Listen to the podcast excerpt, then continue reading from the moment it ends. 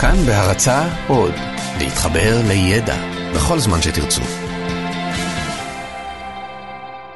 45 דקות עם רז חסון.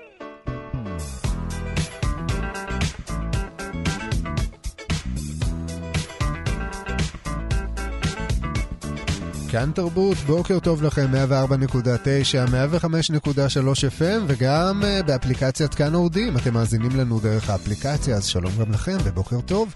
אנחנו כבר ביום חמישי, מה שאומר שאנחנו מסכמים שבוע ראשון של 2018, אז אני מקווה שהשנה הזאת כבר uh, הייתה טובה אליכם עד עכשיו.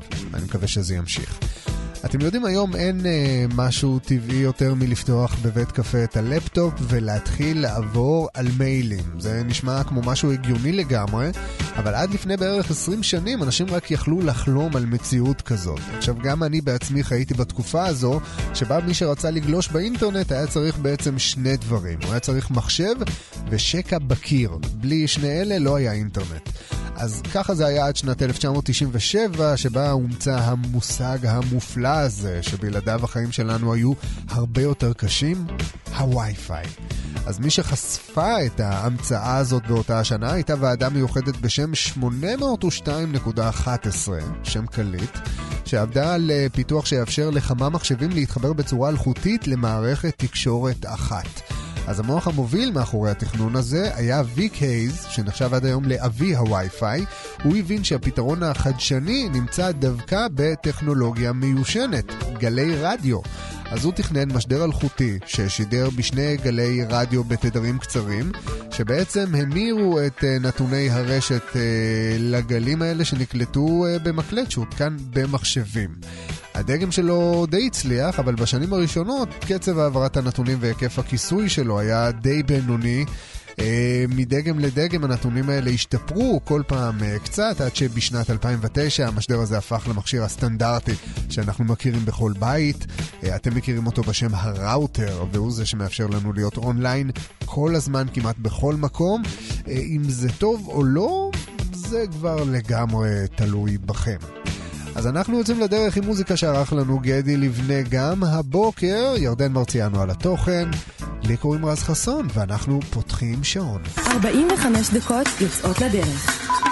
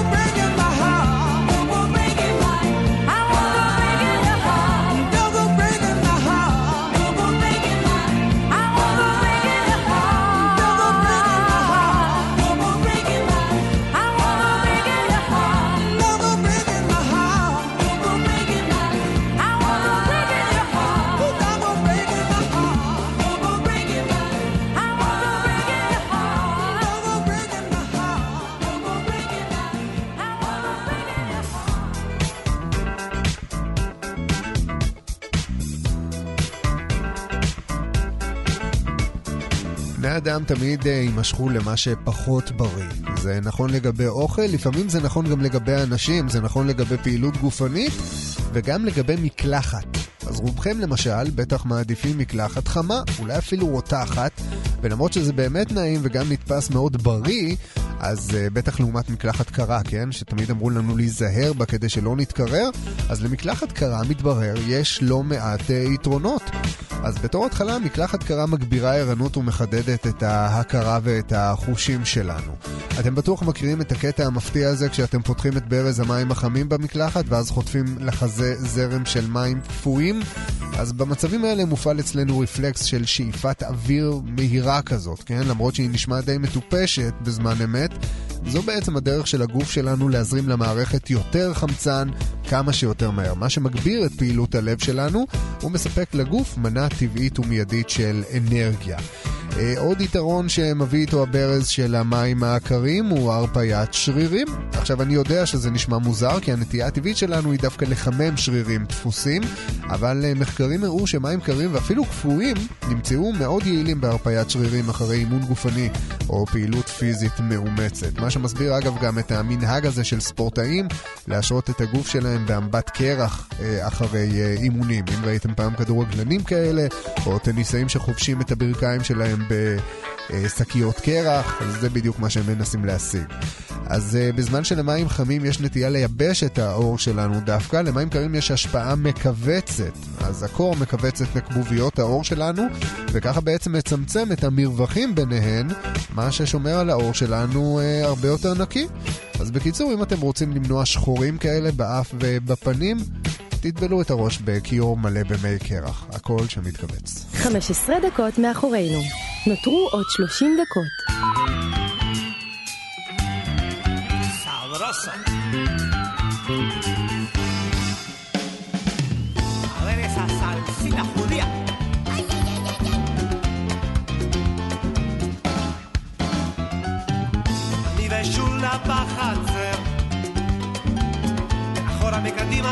me a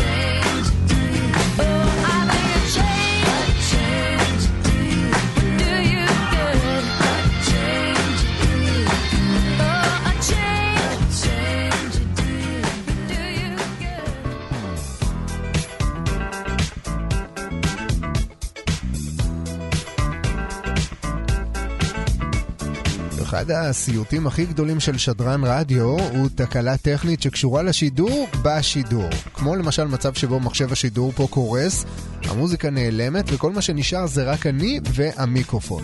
אז אם משהו כזה קורה עכשיו טפו טפו טפו, אז היו מגיעים לכאן תוך כמה דקות החבר'ה מהמחלקה הטכנית שהיו מתקנים את התקלה וקובעים שזה היה בסך הכל באג, באג טכני. אז בעידן הדיגיטלי והסלולרי שבו אנחנו חיים, אנחנו עושים שימוש במושג הזה כמעט בכל יום.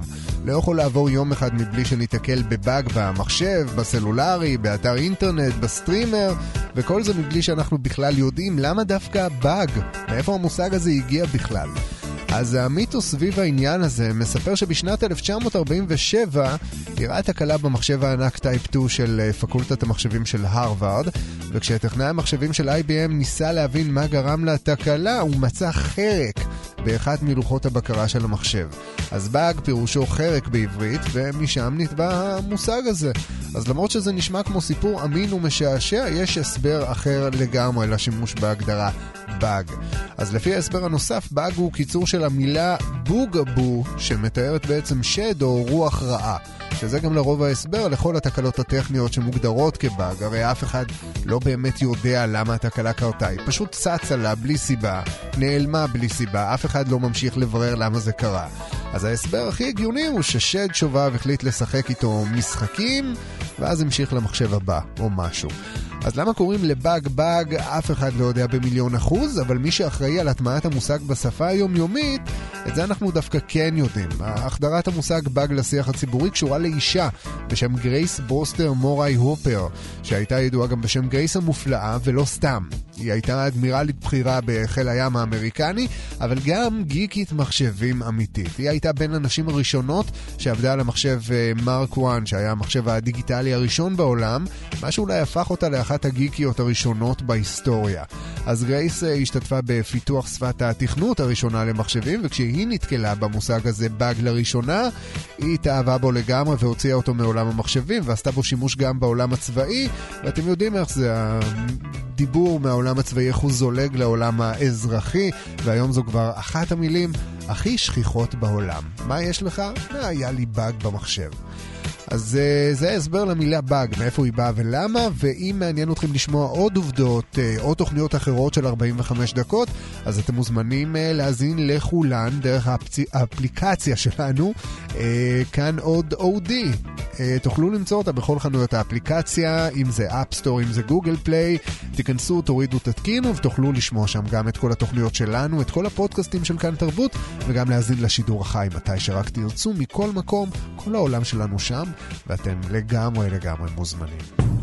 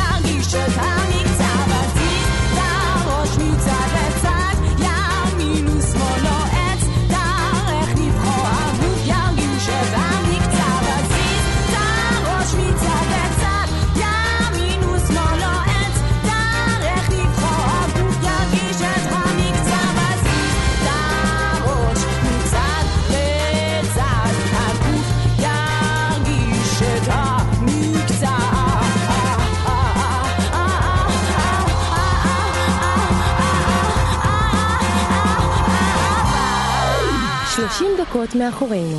נותרו עוד 15 דקות.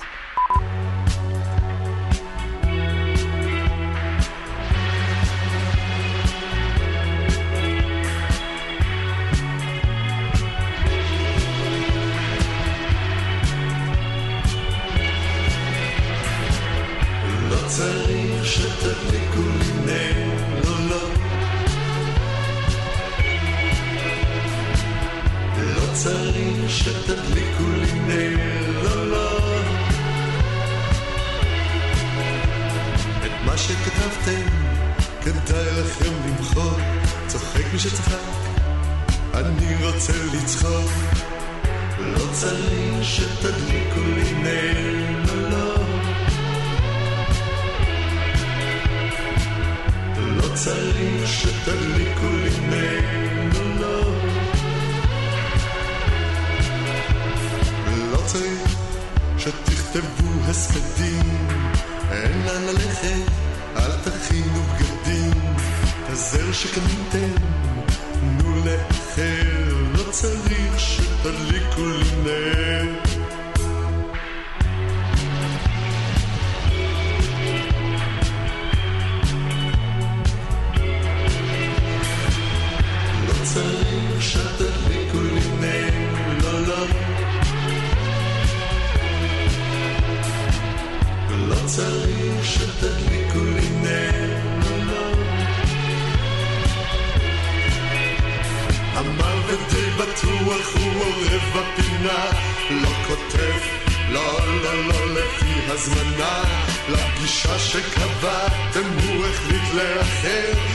צריך שתדליקו לי נר, לא צריך שתדליקו לי נר, לא, לא, כלום לא בוער. לא צריך שתדליקו לי נר, לא, לא, כלום לא בוער. לא צריך לנחם אבלים, נימיס מחייב לדעת כללים, שהכנתם, תנו לאחר, לא צריך שתדליקו לי נר. לא צריך שתדליקו לי נר, לא, לא. לא צריך שתדליקו לי נר, לא, כלום לא בוער.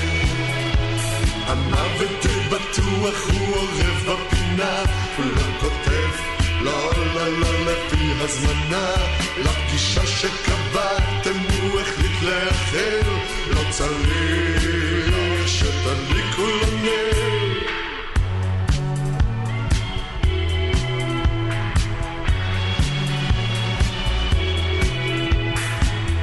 לא צריך שתדליקו לו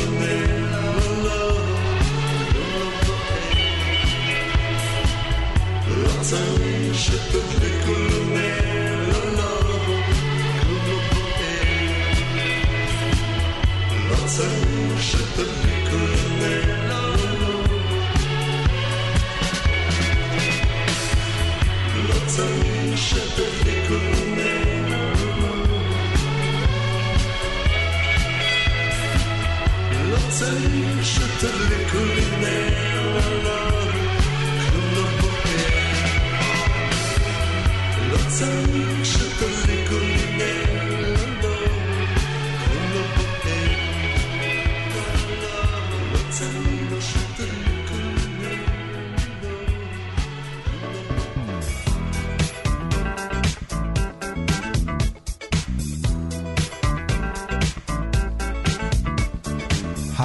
בניך היגעים, העניים, ערב רב של המונים כמהים לנשום כבני חורין, את פלטת חופיך האומללה.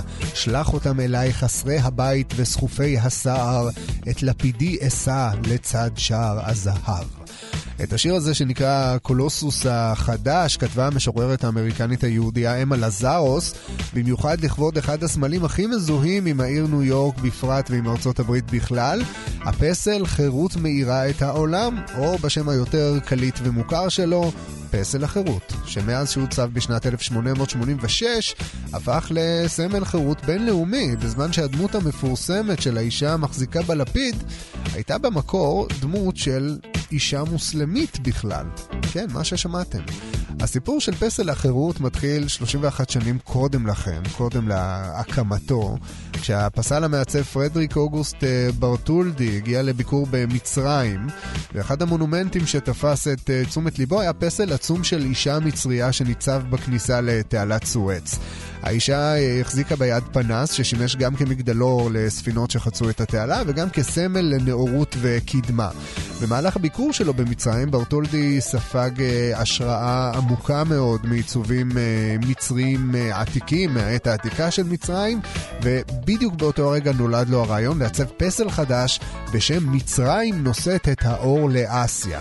אז הוא עשה כמה רישומים ועיצב כמה גרסאות, כשבסופו של דבר התקבלה הגרסה הסופית, דמות נשית בסנדלים שעונדת נזר ונושאת לפיד. אז עם הגרסה הזו הוא פנה לשלטונות במצרים, אבל לא ממש הצליח לשכנע את המשנה לסולטן אסמאעיל פאשה, שהיה הסמכות אה, בנושא הזה. אז ברטולדי לא נתן לזה לייאש אותו, הוא לקח את הסקיצות שלו, עשה בהן כמה שינויים ונסע איתן לארצות הברית. ואחרי שהוא בחן כמה מיקומים אפשריים להצבת פסל שכזה, בין השאר החוד של מנהטן ומרכז הסנטרל פארק, אז הוא החליט שדווקא מפרץ ניו יורק הוא המקום. זה המקום להציב בו את הפסל, ואחרי שהוא עורר עניין מצד נציגי ממשל בארצות הברית, ברטולדי חזר לצרפת ושם שכנע את הממשל הצרפתי שפסל ענק של אישה שמחזיקה לפיד יכול להיות דווקא אחלה מתנה לאמריקנים, וזה הצליח לו. צרפת מימנה את כל הוצאות הייצור והשינוע של הפסל עד לארצות הברית, הוא כמובן הגיע לשם בכמה חלקים, ומאז האישה הזו עומדת שם ומקדמת בברכה מהגרים ופליטים מכל העולם. טוב, נו, לפחות ככה זה היה בהתחלה. עכשיו זה פחות, עכשיו זה רק אם יש לכם אזרחות או משהו.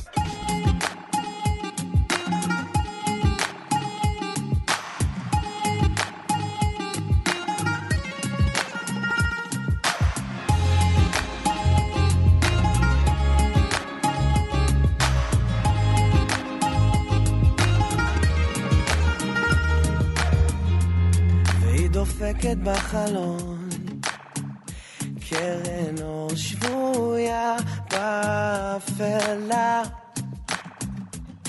אז אני קם אלה אתמול, לא נרדם בחושך, נעלם. כדור הארץ הוא שלך, כוכבים יאירו לי אותך, כשחושך מסנוור הכל. את לי מגדלור, בתוך השקט הלבד, מחפש אחרי מה שאבד, צריך אותך כדי לזכור, להדליק את אולי תתני לי יום, והשמש תחזור, אני לא יכול יותר לראות, תגידי לי כמה עוד, לא מצליח כבר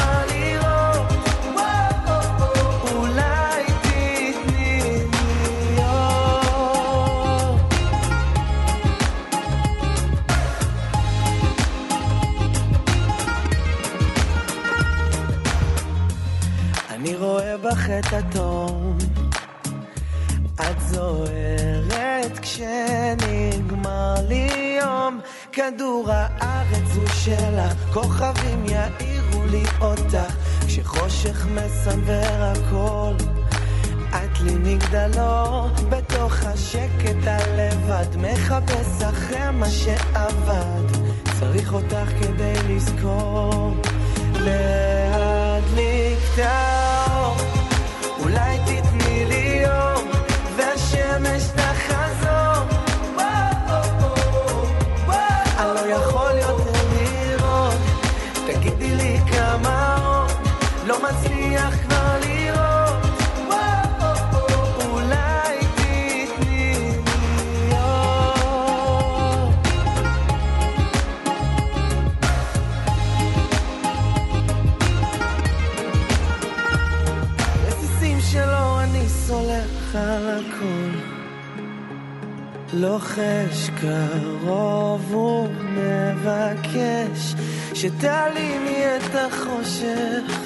תני לו לעבור. אני לא זוכר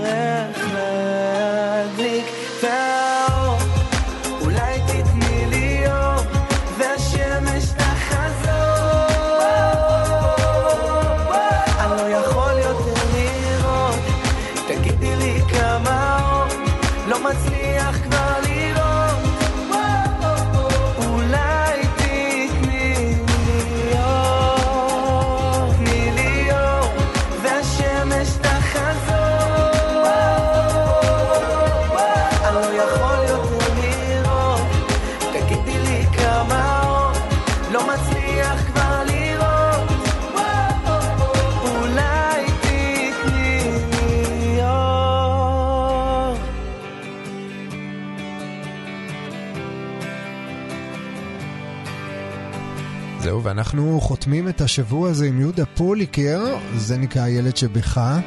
אז תודה רבה לכם שהייתם איתנו גם הבוקר, תודה רבה גם לגדי לבני על המוזיקה, לירדן מרציאנו על התוכן. אנחנו נשתמע כאן ביום ראשון עם עוד 45 דקות מעניינות.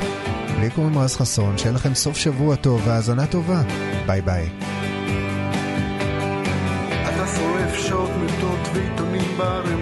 סוף שבוע תמונות משפחתיות של אחרים בחלונות שורפות אותך אתה יוצא כשזה כבר חושך, לבוש בשחור. אתה נוסע ונוסע במהירות האור. כאילו יש שם איזה שיא שרק אתה יכול לשבור. אתה מסתיר את המכות, פצעים פתוחים וצלקות שלא הגלידו. זוכר פרטים קטנים שאחרים לפני שנים כבר שכחו. לפעמים אתה שוקע, סופג את הכל, לפעמים אתה פוגע, ביקר לך מכל, כאילו יש איזה כאב שרק אתה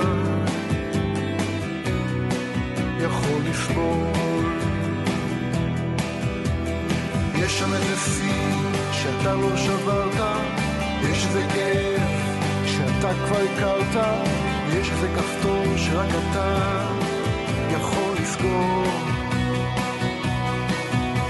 אבל יש בחוץ חיים שאתה לא הספקת, יש עוד אהבה שאתה לא אהבת, יש איזה כפתור שאף אחד אף פעם לא יסגור.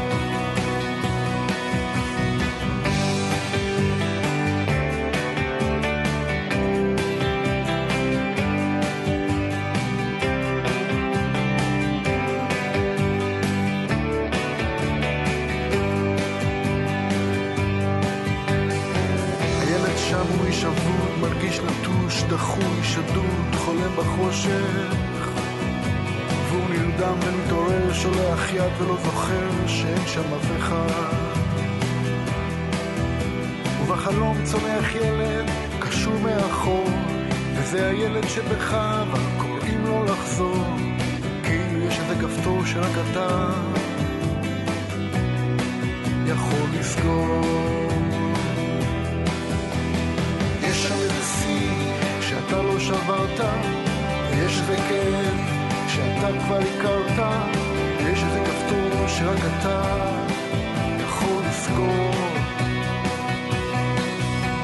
אבל יש בחוץ חיים שאתה לא הספקת, יש עוד אהבה שאתה לא אהבת, יש איזה כפתור שאף אחד אף פעם לא יסגור.